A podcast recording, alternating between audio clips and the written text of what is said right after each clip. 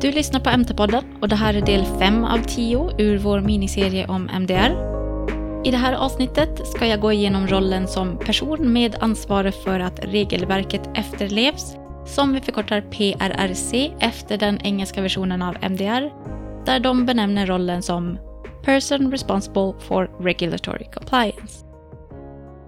En person med ansvarsrollen som PRRC krävs enligt MDR på alla företag som tillverkar medicintekniska produkter som ska placeras på marknaden samt auktoriserade representanter för dessa. Även importörer, distributörer och andra fysiska eller juridiska personer som tar på sig tillverkaransvar genom att exempelvis göra en produkt tillgänglig under sitt namn eller ändra det tilltänkta syftet av en produkt behöver ha en PRRC, All information om denna roll finns att hitta i artikel 15 i MDR. Större företag behöver ha en PRRC anställd inom sin organisation. Små företag eller mikroföretag däremot behöver inte ha en PRRC inom organisationen utan kan anlita externt i form av exempelvis en konsult. Dock måste denna externa person vara konstant till deras förfogande. I stort sett är definitionen för små företag att de får sysselsätta färre än 50 personer och inte omsätta mer än 10 miljoner euro per år. Mikroföretag får sysselsätta färre än 10 personer och får inte omsätta mer än 2 miljoner euro per år.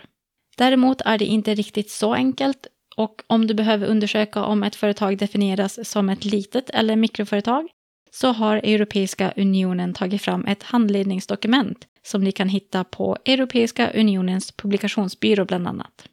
Vart denna PRRC behöver finnas, det vill säga inom eller utanför EU, specificeras inte i MDR. Det som gäller för ekonomiska aktörer som finns inom EU, det vill säga tillverkare och auktoriserade representanter, är att det antas att även PRRC finns placerad inom EU, men det är inte ett uttryckt krav. Det finns krav på sakkunskaper för rollen som PRC och det är på två olika sätt som man kan uppnå bevis för denna kompetens. Det första sättet är att styrka genom ett examensbevis, ett certifikat eller annat behörighetsbevis efter fullbordad högskoleutbildning, alternativt en annan utbildning som den berörda medlemsstaten bedömt som likvärdig inom juridik, medicin, farmaci, ingenjörsvetenskap eller någon annan relevant vetenskaplig disciplin. Det krävs dessutom ett års yrkeserfarenhet av regleringsfrågor eller kvalitetsledningssystem inom området för medicintekniska produkter. Det andra sättet är att styrka kompetensen utan exempelvis ett examensbevis genom att ha fyra års yrkeserfarenhet av regleringsfrågor eller kvalitetsledningssystem för medicintekniska produkter. För tillverkare av specialanpassade produkter, oavsett om du har en examen eller inte, kan däremot två års yrkeserfarenhet inom relevant tillverkningsområde räcka för att styrka kraven på PRRC. PRRC ska även registreras i Judomed. Minimikravet för saker som personen med PRRC-roll ska ansvara för är att innan en produkt släpps ut på marknaden så ska produkternas överensstämmelse kontrolleras mot kvalitetsledningssystemet på ett lämpligt sätt att den tekniska dokumentationen och EU-försäkran om överensstämmelse upprättats och hålls aktuella. Att kraven enligt artikel 10.10 uppfylls, det vill säga kraven på övervakning av produkter som släppts ut på marknaden.